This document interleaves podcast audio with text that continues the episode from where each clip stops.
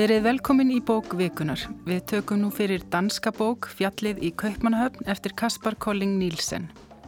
Hún kom fyrst út árið 2010 og vakti töluverða aðtegli sem fyrsta skáldverk höfundarins. Síðan hefur hann skrifað tvær framtíðasögur.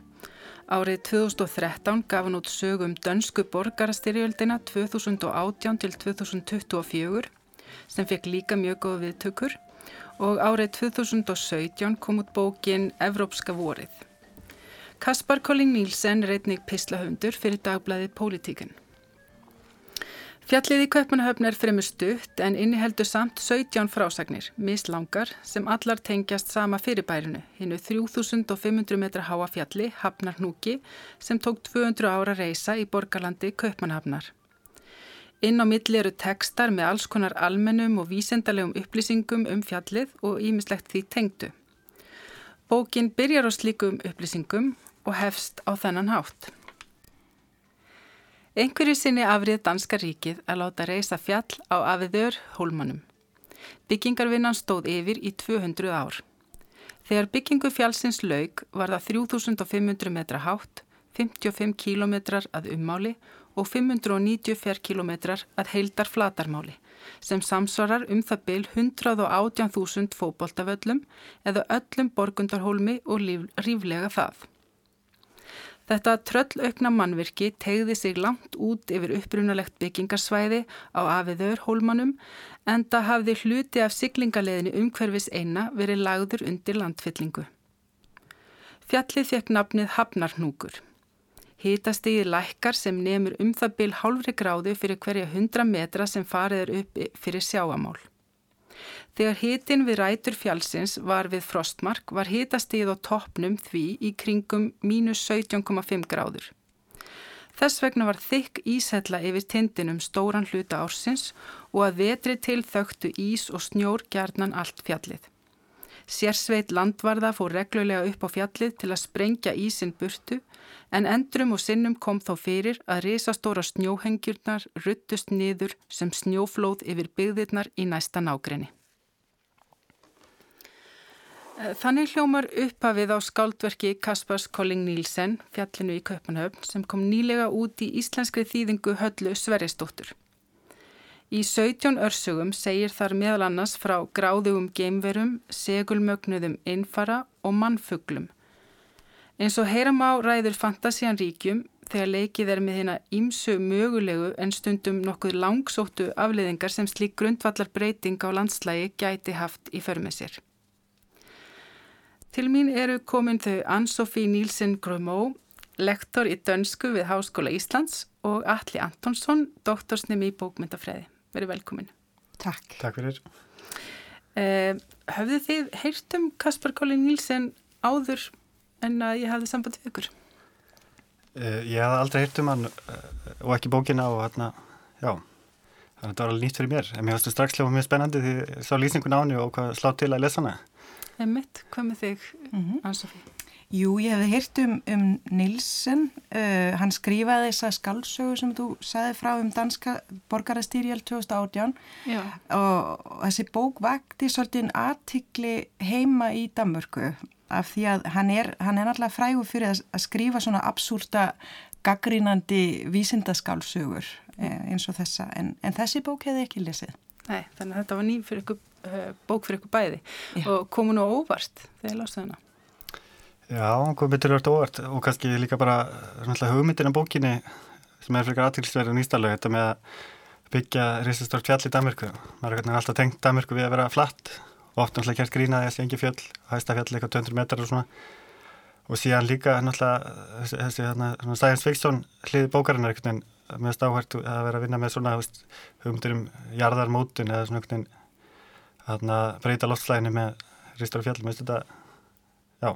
Já, það kemur svolítið úr vísindarskáptækna geiranum, svoleiðis pælingar. Já.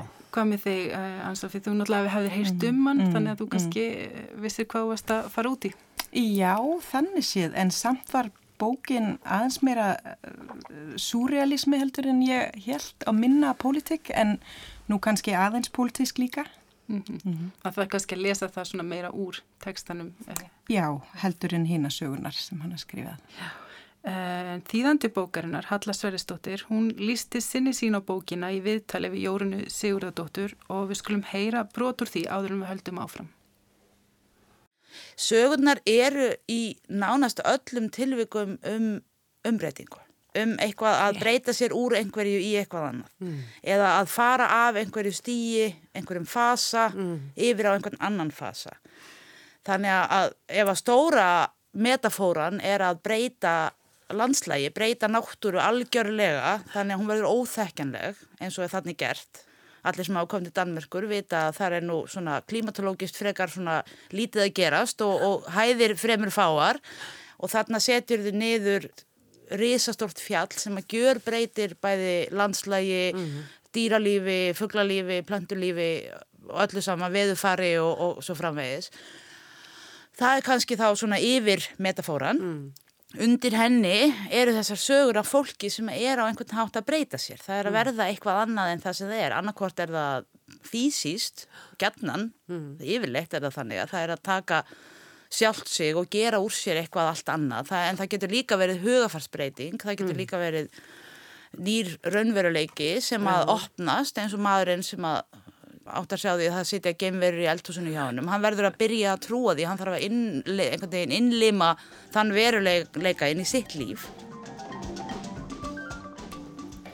Við heyrðum hér brot úr viðtali við þýðanda bókarinnar Fjallið í Kaupmannahöfn sem fjallar um áhrif landslags á fólk og menningu. Ann-Sofí, þú hefur ansakað íslensk danska menningasögu og þú hefur lagt áherslu á sjónræna menningu og landslagsmyndir. Getur þú sagt með þess frá því? Já, ég skrifaði doktorsrýtgerði sjónræni menningu eða visual culture uh, fyrir sex árum í Kaupmannahöfn og þar byrjaði ég svolítið að skoða myndir af íslensku landslægi uh, og skrifa út frá dullendufræðilegum pælingum og hef síðan skoðað samtímalist og nýlendusögu Danmörkur svolítið út frá þeim kenningum. Um, já. Einmitt og þá, uh, þú vil líka stunda aðra rannsóknir tengdar umhverfisvísindum það. og hér er uh, Colin Nielsen náttúrulega leika sem er þá hugmynd að landslega hafi gríðarlega mikil áhrif og þá ekki bara umhverfið heldur á menningu og hugafar og sálalíf fólks. Uh, hvað fannst þér svona áhugavert í þessum pælingum? Já, mér fannst það svolítið áhugavert að fjallið hjá Nielsen er klálega vest-norrænt fjall mm. sem sagt hérna dýralífið sín okkur það, það eru grænlendinga sem búa á fjallinu, það er viðufarið eins og var sagt rétt á þann og í menningarlegu samengi í Danmörku finnst mér bókinn kalli fram fyrst og fremst minninga á okkar fræja lag langt høja og bjegu sem, sem hérna Grundvi skrifaði 1820 hann skrifaði þessi salma eða þetta lag sem huggun til danska þjóðarinnar þegar var hérna kreppa hjá okkur á sínum tíma um, og í þetta lag syngjum við í Danmörku langt højere bjerge så hvide på jord, man har en hvor bjerg kunne bakke. Og þetta fjallar um, sem allir nefndi hérna áðan, að da, í Danmörku erum við náttúrulega þekkt fyrir að vera ekki með fjall, mm -hmm. en hérna Grundvi heldur áfram og skrifaði Vi er ikke skabte til højhed og blæst ved jorden at blive, det tjener os bedst. Við erum sem sagt bæði raunsæ og, og við líka vinnusamir. Þannig að þetta með fjöll og ekki fjöll skiptir rosalega miklu máli. Á þessum tíma vorum við nýbúin að missa Noregi uh, og lægið sem Grundvið skrifar er áhugavert út af því að Danmörk og danska landslæði sem er líst í þessu lægi er ekki allt danaveldi. Það er sem sagt ekki Nóriður, það er ekki Grænland, mm. það er ekki Ísland og ekki Færiar. Mm.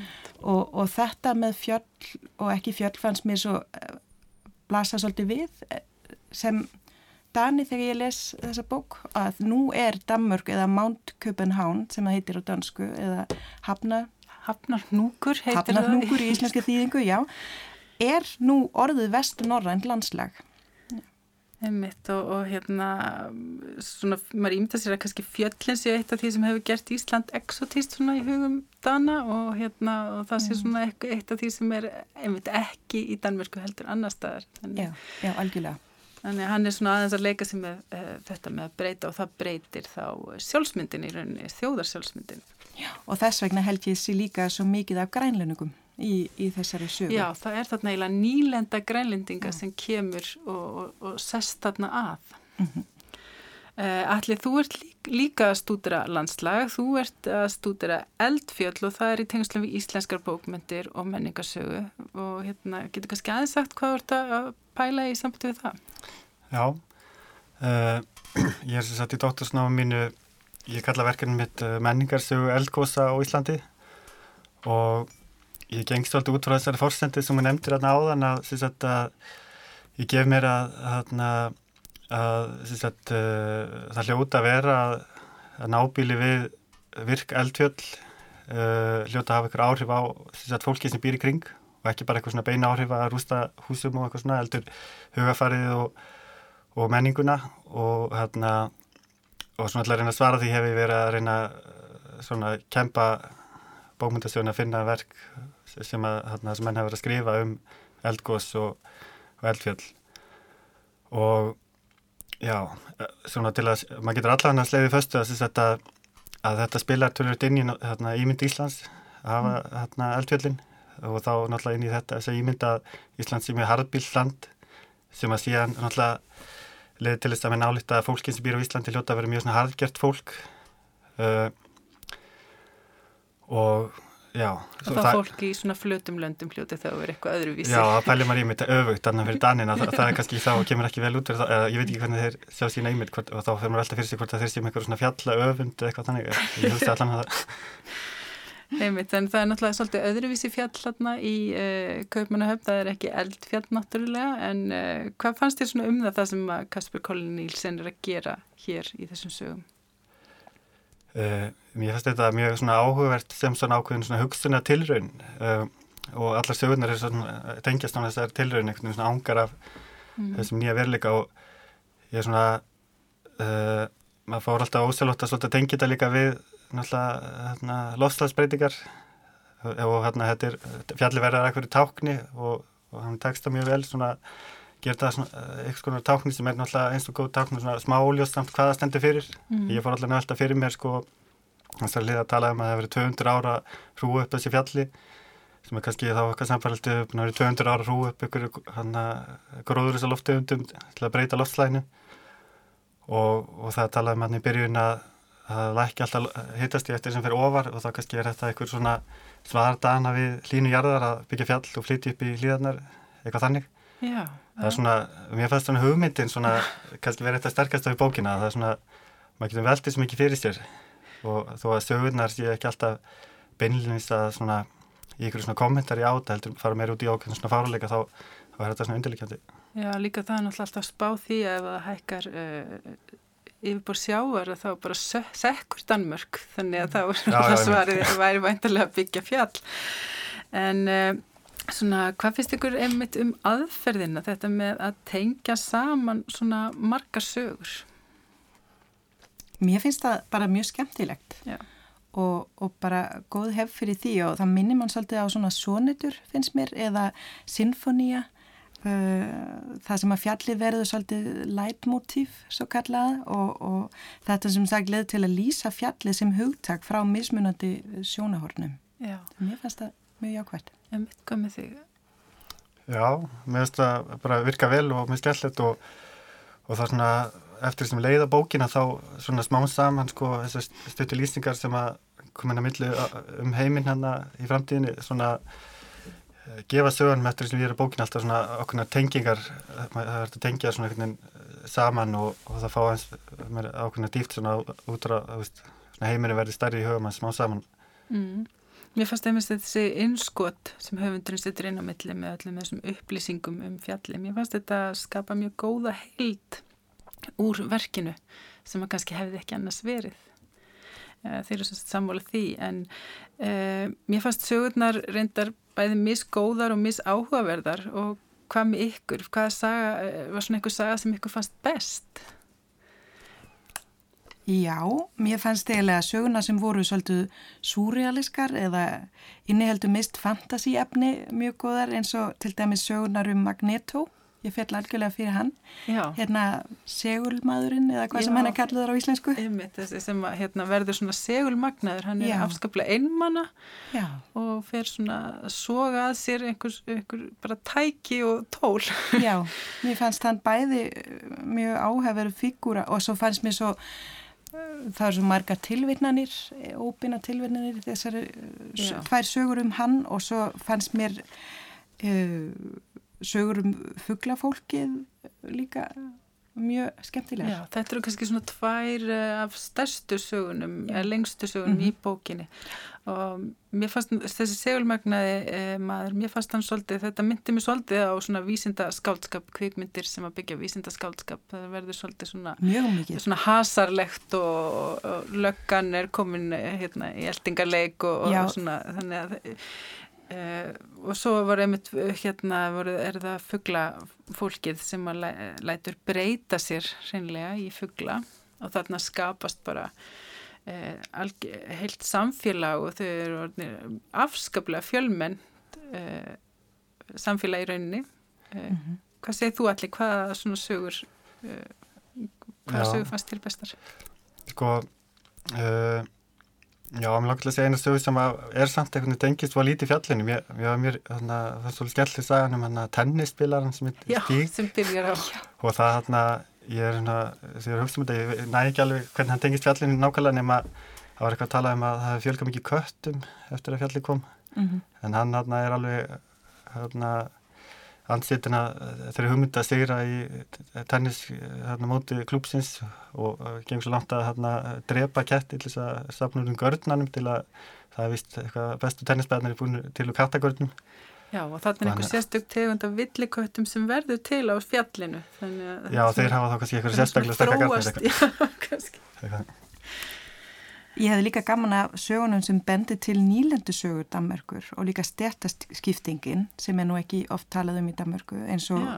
sögurnar sem heita á dönsku grønlena problematikken og hins vegar opgangen eða stíagangurinn. Mér fannst þá sögur líka mjög spennandi. Já, Já, ég samanlega því, maður stöða báðar hérna, mjög góðar og svona það var svona uh, kannski eitthvað litið alvarlust í stjórnir sem voru svolítið svona auðlahumor Já, en þessi, hérna, grænlítika vandi mér að stað svona einhvern veginn gefa bókinu eitthvað hérna dýft svona já, þeir setjast þarna aðeil á fjallinu í óþökk stjórnvalda eða yfirvalda og það er svona verið að reyna að uppræta jafnvel byggðina þeirra og já, og svona eins og þú nefndir hérna, eins og við, hérna, þá er eins og það fór mér að hugsa, fattaði mér allt í einu einhvern veginn að já, að þarna er búið að gera ristórt fjall sem er samt eins og að sé kannski með fjall í Grænlandi Já. þetta þeir eru náttúrulega með eitthvað þrjúvist myndir að hafa fjall þar og svona, Mhm. þannig að, já það myndi mig líka á hérna pólitíkin sem, sem við vorum með í kringum 1950 það sem við vorum alltaf að reyna að skipa náttúrulega græningum fyrir og bendaðum á að væri best að lifa svona í hvað heitir það, samræmi við náttúruna að lifa eins og þau hafa alltaf gert. Og mér fannst þetta bara svona skemmtileg ábending á hvernig dönsk stjórnvöld og helst svona atvinnulíf hérna Mersk Möller var að reyna að láta grænlendinga eða já, reynilega bara að skipa þeim fyrir og segja þeim hvernig átt að lifa og hvar. Einmitt, þannig að það er svona eh, kannski dölinn samfélags ádela pólitík og ímislegt vísun í sögun og annað í sögun þó það virkir stundum ansi svona fantasískar og, og svona absúrt að þá er hægt að lesa eh, alls konar undirteksta líka. Já, algjörlega. Já. Einmitt, svo eru aðrar sem að kannski sögur sem hafða síður til manns því að ég var sjálf ekki hrifin af sælgetis garðálfinum, það er nú hérna ég hef heyrt aðra að segja þegar hérna þýðandinn sagði í viðtali að hún hefði, svo saga hefði snortið hana. Það er sem sagt garðálfu sem að finnst uh, út í gardi og hérna hann er með innibli úr selgæti og þetta er svona svolítið eins og tragist, hann dóð þarna og hérna þess, mér fannst þessi fara að ganga aðeins oflánt í fantasíinu en þeir eru kannski ósamála því, við erum einhverja svona sögur sem að, uh, þið voru líka svona, hafðu síður til ykkar? Já, sko, eh, mér finnst einhver að veilins leðilega þannig að þá stundum spyrum að sig, sko, já, ok, þetta er, hérna, þetta er mér eins og bara eitthvað brandari ef að svona, smá, þú veist, vera hérna, að gera sögur sem gekk hérna út á eitthvað svona, þú veist, auðlahumor, mm -hmm. eða stannig, eins og, hérna, einn saga þá er eitthvað, hérna, munkurinn sem talaði og þá var svona eins og verið að vinna með það að það var alltaf einhverjum fjall og þá náttúrulega voru komin einhverju einstöndum enn að huglega og síðan kemur einstöndum hann nýrinn af fjallinu og hann segir einhverju tóma villisir og ég var ekkit að tengja við þessa villisir sem að eða hann bara síðan einhvern veginn bylla að byllaði mm -hmm. og síðan sambúin. En það var, já, ég veit ekki. Ég samálega þér, mér fannst eins og kíkirinn líka vera svona uh, auðla húmor einhvern veginn. Uh, ég veit ekki almenlega hvernig það þýtt yfir á íslensku en á dönsku heit Sagan kíkirinn. Já, einmitt. Uh, Hérna, en Já, sjónauki Já, ok, sjónauki, já en ég er alveg sammála þér auður með hérna Álvin og líka sagan sem heit hérna Morgumatur á dönsku Món komplett sem fjallar um ungt fólk sem er að djamma og ákveður að, vera svo lengi úti að þau, að, það enda með því að þau fá sér morgumatt og hérna og svo síðan er par sem enda saman í, í svona fjallakofa og mér fannst svo saga ekki beinleginis neitt svona. Nei Þannig að það eru mjög mísjöfnar en það er greinilega svolítið mísjöfn hvað höfðar mest tilmanns og já, hvað ekki já, já. af því að það eru, eh, svo er einmitt þess að segja, svo hérna, hefur þú kannski eh, meiri áhuga fantasíunni og finnst það mm -hmm. skemmtilegt mm -hmm. meðan eh, aðri kannski er að leita einhverju öðru. Mm -hmm. En ég var svona að spája hvort að þið gætið svona, hefðu tengt þessa bók einhvern veginn við önnur verk eða ströyma innan bókmynda undanferðin ára þá verður til dæmis að hugsa um alla umræðin um lofslagsmál og umhverfismenn vernd og það eru margir höfundar sem hafa skrifað bækur inn í þá umræði en um, allir það er kannski ekki svo margir sem hafa gert það hér á Íslandi? Nei, það er ég uh, þekkst svo mikið margar þannig bækur. Einn bókrindar sem ég tengti svolítið við sem kannski er eitthvað litið á svömi mið hérna, frá því fyrra, það er hérna, fjallið sem yfti aukslum eftir Gísla Pálsson sem er eitthvað ekki hérna, skálskapur heldur, hann er mannfræðingur. Að fjallar hann um heimaði gósið byggir Já. á uh, miklum heimildum um gósið og, og tekur svolítið fyrir þessa hlýðmála þeir náttúrulega hérna þess að uh, með að dæla vatni á raunið uh, þá hérna, er mótaðir það. Þannig að einhver leiti er fjall, fjallið þar hérna, eða þess að raunið mannmótað mannmótað fjall og hann í bókinni er, svona, er mikið að tólkita í tengslu við hugmyndan um mannöld og að maður er stjórið jarðfræðilegt afl þannig að það er svona einhvern veginn svona svipa átt mm -hmm. uh, En uh, hvað með Danmörku? Er þetta algengara þar? Uh, Ans og við hefur tekið eftir því svona að fólk sé að skrifa um segja, svona þessi umhverfis vendamál inn í bókmyndirnar? Já, já, já, það virðist vera svolítið mikið hérna áhuga fyrir því í Danmörku og, og þessi spurninga um láslagsbreyninga hafa verið mjög mikið á dagskarani í Danmörku. Mm. Það eru bæðið þingmenn og ekki allir náttúrulega en, en listamenn og rítöfundar og, og menningafræðinga, viðfræðinga, þetta er mjög mikið á dagskarani og kannski bæku sem að mér dettu fyrst í hug eru bókin Sólar eftir Thijs Örntoft sem er svona dystopist inn sín inn í, í upplifun af lofslagsbreytingum og neikvæðni og, og vonleysi sem fylgir því stundum. Og eða bókin eh, Den á skúli eða hinn ræðilega eh, eftir hérna Sjálfóri Vætsi sem er líka svona framtíða saga um lofslagsbreytinga og það eru fleiri og fleiri. Þetta er mm. alveg, já já ég myndi segja alveg komin svona bylgja í Danmarku Já, og finnst þér svona hvernig ef þú uh, berð þessa bók svolítið saman við það sem er að gerast, finnst þér hann svona að skera sig einhvern veginn úr? Já, mér finnst húmórin uh, það eru náttúrulega hinn ræðilega eða den á skuli er líka svona svolítið súrealísk en mér finnst Colin Nielsen húmórin er mjög sestakur hjá honum mm. og hann minni mig svolítið á það eru tveir meistara í þessari hérna innan, innan svona uh, vísindaskálsögur og súrialiska uh, bókmentir í Danmarku annars vegar Svenne og Messen sem ef að fólk finnst þessa bók áhugaverð eða finnst gaman að lesa svona vísindaskálskap þá bend ég uh, á hann, Svenne og Messen eða hins vegar Vili Sörnsen sem skrifaði líka á 20. stöld sem er alveg algjörlega uh, algjör mestari innan súrialisman í Danmarku mm. Þannig hann er, þið finnst að vera að skrifa svolítið þá inn í þá. Já, mér finnst það alveg. Já, já, já, mér finnst það. og hérna uh, hvað með uh, íslenska bækur nú erst þú væntalega búin að vera stútir og soldið uh, bókmyndir með tilliti til landslagsalli og svona hvernig ef þú máta þessa bók við það sem við höfum verið að gera hér, Já. hvernig finnst þér svona samanbyrðin að vera? Um, það er kannski helsta sem hann, þetta minnir mig á af svona íslenska bókumyndum verið kannski bækur hérna, andra snæðis bláu nötturinn og hérna, lofstar og eitthvað svona sem er svona eitthvað svona, hérna, svona umhverfis uh, vísindaskálskapur uh, en hérna uh, já en ég, ég kannast nú ekki við neitt nákvæmlega Nei. sem er sambarleitt sko varandi hérna, eitthvað að byggja eða veist byggja nýtt fjall eða neitt Nei, nei, mitt En ef við tölum aðeins meira um, um sögurna þá er einsaðarna sem ég fannst svolítið skemmtilega, það var hérna með uh, hérna geimverurnar, hún er svolítið fyndin, mm -hmm. því mhm. það er hérna maður sem að uh, verður fyrir heimsókn, eða verður fyrir já heimsókn geimvera.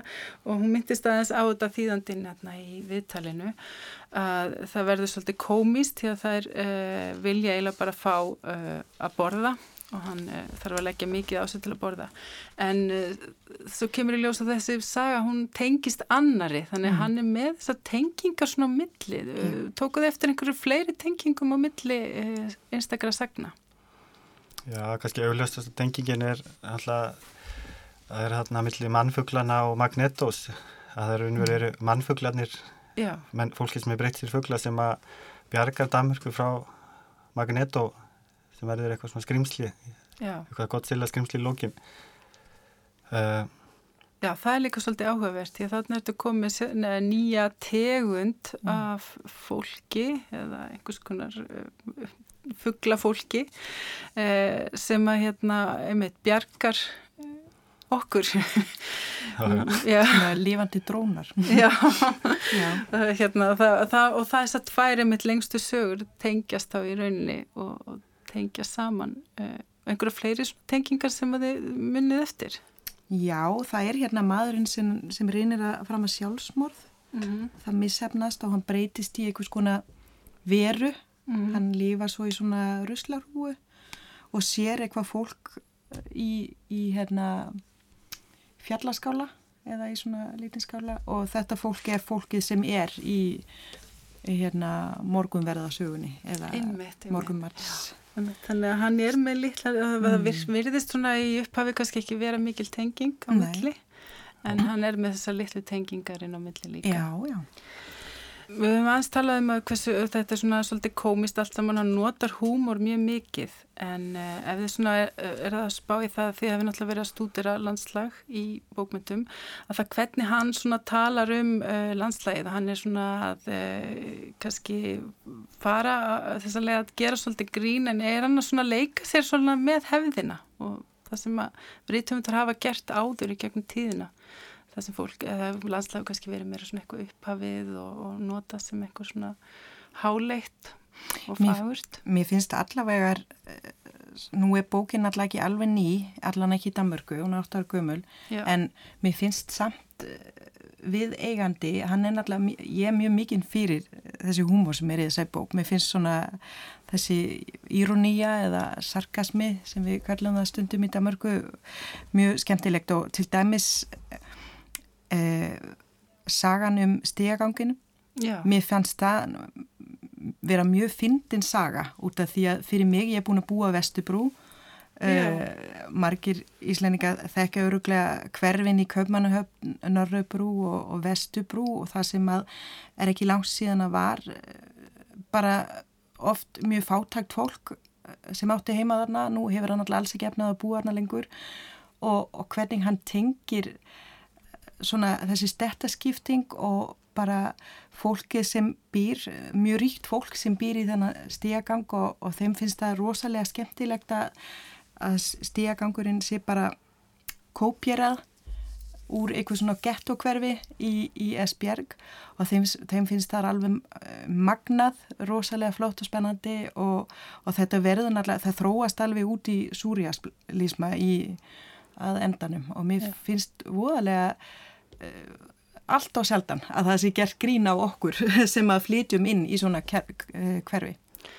Já, og þannig að það er svona verið að flytja eitthvað svona, já, eiginlega það því þetta er hástíðakverfi þarna mm -hmm. uppi í fjallinu, já. þannig að það er búa bara ríkir, en þeim finnst, þessina finnst þeim þetta aðeinslegt að fá svona stegagangur einhverju eh, svona svolítið svakalegu hverfi, það sem að, og svo hérna geta þá fylst með því hvað er að gerast þar líka. Já og það skapar spennu í þeirra líf. Já, en samt enga hættu.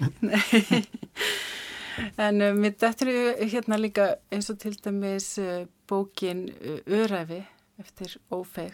Uh, hún er, svona þar er hann líka taka fyrir landslag og hann er kannski þar líka svolítið að uh, leika sér með þetta, þessar hugmyndir okkar um svona háleitt landslag og annað og, og það verður líka stundum mjög mikið leikur í þeirri bók Þannig að það er, það er svona ákveðin, við erum kannski, við getum ekki lengur talað um landslægin sem við gerðum áður kannski. Uh, nei, ábyggla ekki. uh, já, eins og í Örafum, það er náttúrulega, já, Öraf og Jökull spila þar stort hlutverk og maður hefur svona tilfinningu að allir sem búa þar í kring hérna njóti mjög góðstæði og verði að eitthvað svona ofurfólki eiginlega. Og þar er líka þarna útlendingur sem kemur inn hann að uh, austuríkistmaðurinn sem að þarna það er svona eins og hans einhvern veginn hann uh, öfundi Íslandingarna sem búa í nákvæmlega fjálsins uh, út af einhverju svona einhverjum krafti fjálsins mm -hmm. já Það er svona eh, ákveðnir hugmyndir alltaf líka með þessi áhrif uh, landslags á fólk sem eru náttúrulega mjög uh, gamlar hugmyndir mm. í raunni. Já. Er það ekki bara eitthvað sem er eldgamalt? Jú, en það náttúrulega kemur inn aftur með genaransóknum. Þetta er náttúrulega eitthvað sem mm. í Danmörku allána ef maður horfir á hver fáir ansóknastyrki þá er nú hérna, oft fólk sem er að rannsaka einmitt áhrif landslag á hérna genetískri þróun og þetta er svona þetta eldgamla gamla pælinga sem mm. hafa verið svolítið sterka bæði hér á Íslandi og líka í Danmörku þetta kemur inn aftur smám saman og mér fannst í, í samhengi allavega í svona eins og bókmyndir eru að þróast í Danmörku í samfélagi lofs, lofslagsbreytinga og breytinga á manns eðli hvað er, hvað er uh, manneskja og hvað verður manneskja í framtíðinu. Það fannst mér hálf svona hressandi, skemmtilegt að fá stundum líka bók sem er svo hugmyndaríkur og, og fáranlegur á mör, mörguleiti að þetta var svona einhvern veginn ágætis svona nýjung bara. Já. Einmitt, og ekki of uh, svona alvarleg þá einmitt. Það er allavega mikið til að því og líka eh, það er náttúrulega afskarlega mikilvægt en, en það hefur marga bækur verið mjög svartar og neikvæðar og von, mikið vonlýsi skiljanlega en þetta er líka flott að sína svona smá súrjalisma og, og smá húmor Emitt, og hann sækir náttúrulega líka í uh, svolítið aftreyingar kannski menninguna og eins og þú myndist að hann með svona vísindaskálskapin það væri kannski hægt að, að eh, skilgrunda sem vísindaskálskap Já, algjörlega. Og einmitt, margar af stöðunum ganga út að einmitt að nota eitthvað svona minni eða úr einhverjum hérna, sko, science fiction myndum og, og, leika sér með áfram. Eins og þessi áðurnuti hérna Magneto en síðan voru, voru nefndu hérna reyndar áðanleika fyrir þáttin að væri hugstanleika þetta að tengja hana við svona uh, hvað ef sögur mm -hmm. því það er rauninu verið bara uh, má segja sko eitt hlutur sem er breytur sko að, að fjallið er komið en samt er hérna meira minna allt annað í samfélaginu, bara einstu nútíminn. Uh, það er ekki öðru leiti miklar sko tæknibreitingar eða gerfugreind eða neitt slíkt. Uh, nema kannski helsta sem er kannski hérna, tækninníkurnar í þessum heimi snúast um svona umbreytingar á fólki.